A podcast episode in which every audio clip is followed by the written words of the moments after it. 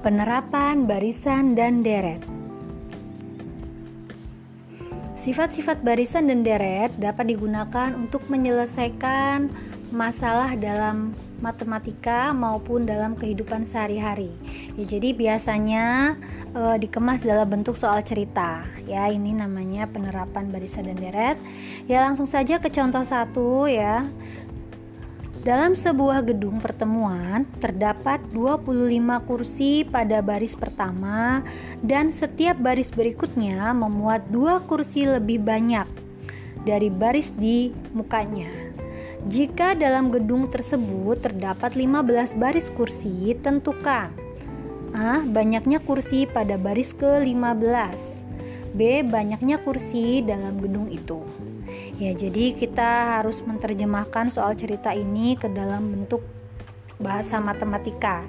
Ya, harus kita ubah dulu dia menjadi bentuk matematikanya. Ya, perhatikan tadi ya. Ada 25 kursi di baris yang pertama. Baris pertama itu 25. Nah, baris berikutnya dua kursi lebih banyak, berarti bertambah 2. Berarti kursi pertama 25, kursi keduanya adalah 27 karena bertambah 2. Kursi ketiganya juga bertambah 2 lagi, berarti 29. Kursi keempatnya bertambah 2 lagi, berarti 31 dan seterusnya. Nah, itu mentoknya sampai baris ke-15. Ada 15 baris berarti ada 15 suku. Ya. Berarti ada U1 sampai U15. U1-nya tadi 25, U2-nya itu 27, U3-nya 29 dan seterusnya sampai suku ke-15 yang kita tidak tahu ada berapa nilainya di suku 15 itu.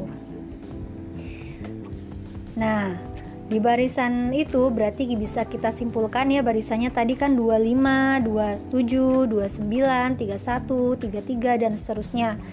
Ya berarti U1-nya atau A-nya adalah 25. Sedangkan bedanya karena polanya ditambah 2 berarti bedanya adalah 2. Kemudian N-nya karena ada 15 baris berarti N-nya adalah 15. Nah, yang ditanyakan di poin A adalah suku ke eh, banyaknya kursi pada baris ke-15. Nah, berarti suku ke-15 sama saja ya. Banyaknya kursi cuma di baris 15. Berarti hanya baris 15 saja atau kita katakan dia sebagai U15. Berarti kita gunakan rumus UN. UN sama dengan ya, karena ini aritmetik tadi barisannya ditambah dengan angka yang sama yaitu ditambah 2, berarti kita gunakan rumus UN aritmetik. UN sama dengan A ditambah N dikurangi 1 kali B. A-nya tadi 25, N-nya 15, B-nya adalah 2. Kita hitung yang di dalam kurung terlebih dahulu.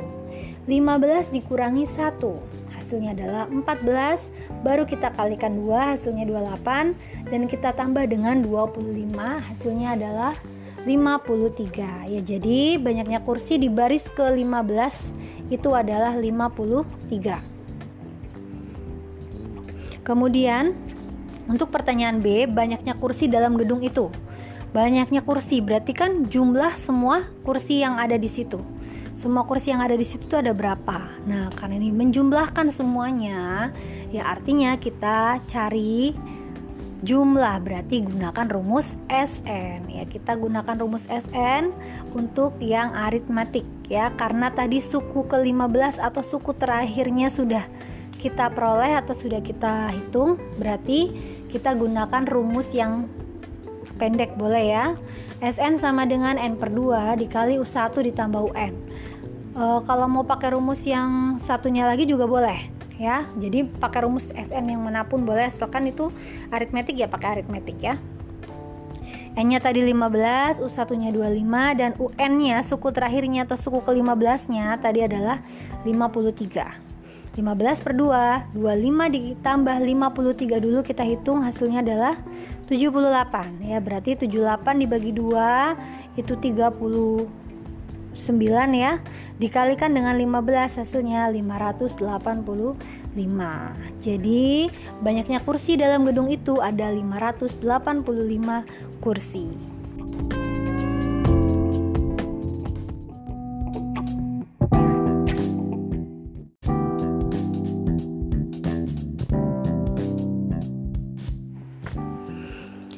Contoh kedua, Laju pertumbuhan penduduk di suatu daerah tertentu memenuhi barisan geometri.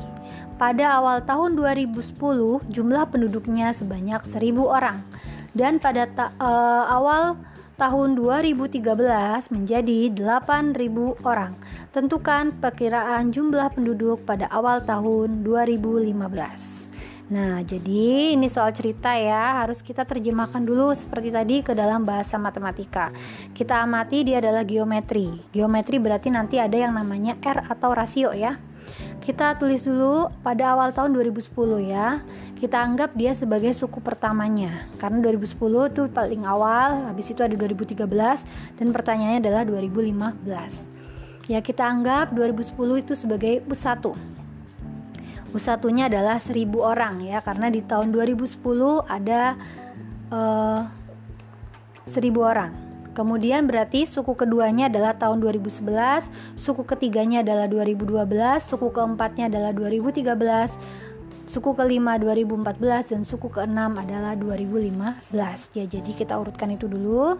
Tadi diketahui suku pertama di tahun 2010 adalah 1000. Kemudian di tahun 2000 13 atau dia adalah suku ketiga eh, maaf suku keempat ya 2013 itu suku keempat ya. Suku keempatnya adalah 8000 ya. Jadi U1 nya 1000 U4 nya 8000 ya. Jadi kita lihat dulu tadi U1 adalah A A nya sudah diketahui R nya R nya belum ya. Berarti kita cari dulu nilai dari R karena A-nya adalah 1000 ya, U1 itu sudah pasti 1000, kita gunakan rumus pakai U4. Ya, di situ U4 berarti rumusnya AR pangkat 3. AR pangkat 3 tadi nilainya adalah 8000 ya, karena suku keempat adalah 8000. A-nya itu 1000 kita tulis 1000 dikali R pangkat 3 hasilnya adalah 8000. Berarti R pangkat 3 8000 dibagi 1000 atau hasilnya R pangkat 3 hasilnya adalah 8.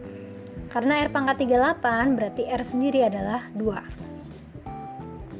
Setelah menemukan R, baru kita lihat pertanyaannya. Tadi yang ditanyakan adalah uh, jumlah penduduk di tahun 2015. Hanya di tahun 2015 saja ya, walaupun ada kata-kata jumlah, tapi hanya di tahun 2015. Berarti kita gunakan rumus UN bukan SN karena hanya tahun 2015 tidak dijumlahkan dari awal sampai akhir berarti kita gunakan rumus UN ya yang ditanyakan 2015 2015 adalah suku ke-6 ya berarti U6 sama dengan A kali R pangkat 5 A nya tadi adalah 1000 R nya adalah 2 ya berarti 1000 dikali 2 pangkat 5 2 pangkat 5 kita hitung dulu hasilnya adalah 32 ya berarti 1000 dikali 32 hasilnya adalah 32.000 jadi suku ke-6 atau di tahun 2015 itu ada 32.000 jumlah penduduknya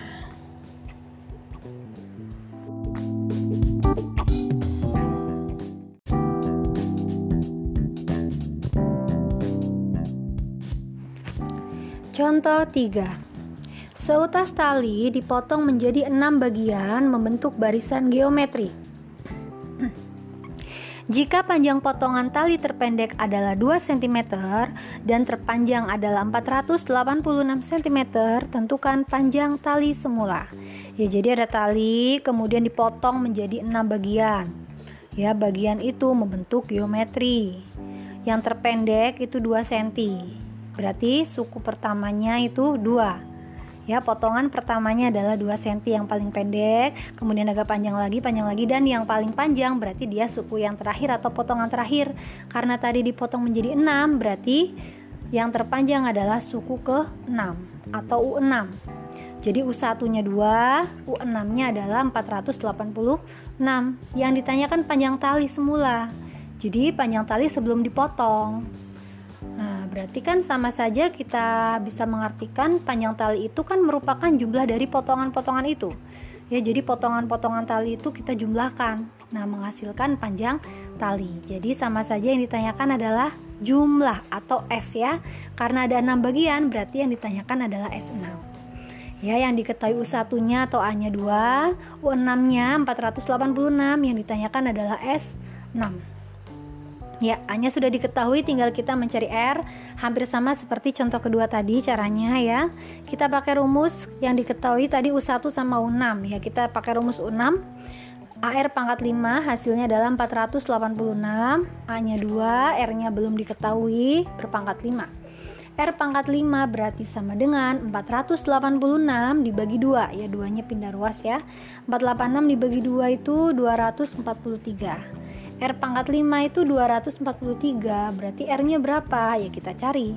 Akar pangkat 5 dari 243 angka yang sama yang dikalikan berulang-ulang yang hasilnya 243 adalah 3 kalau nggak percaya hitung aja. 3 kali 3 kali 3 kali 3 kali 3 Itu hasilnya pasti 400, uh, 243 Jadi R nya adalah 3 Setelah menemukan R baru kita lihat pertanyaannya tadi adalah panjang tali semula atau S6 ya. Berarti kita gunakan rumus SN karena R nya itu melebihi satu ya kita gunakan yang R nya di depan.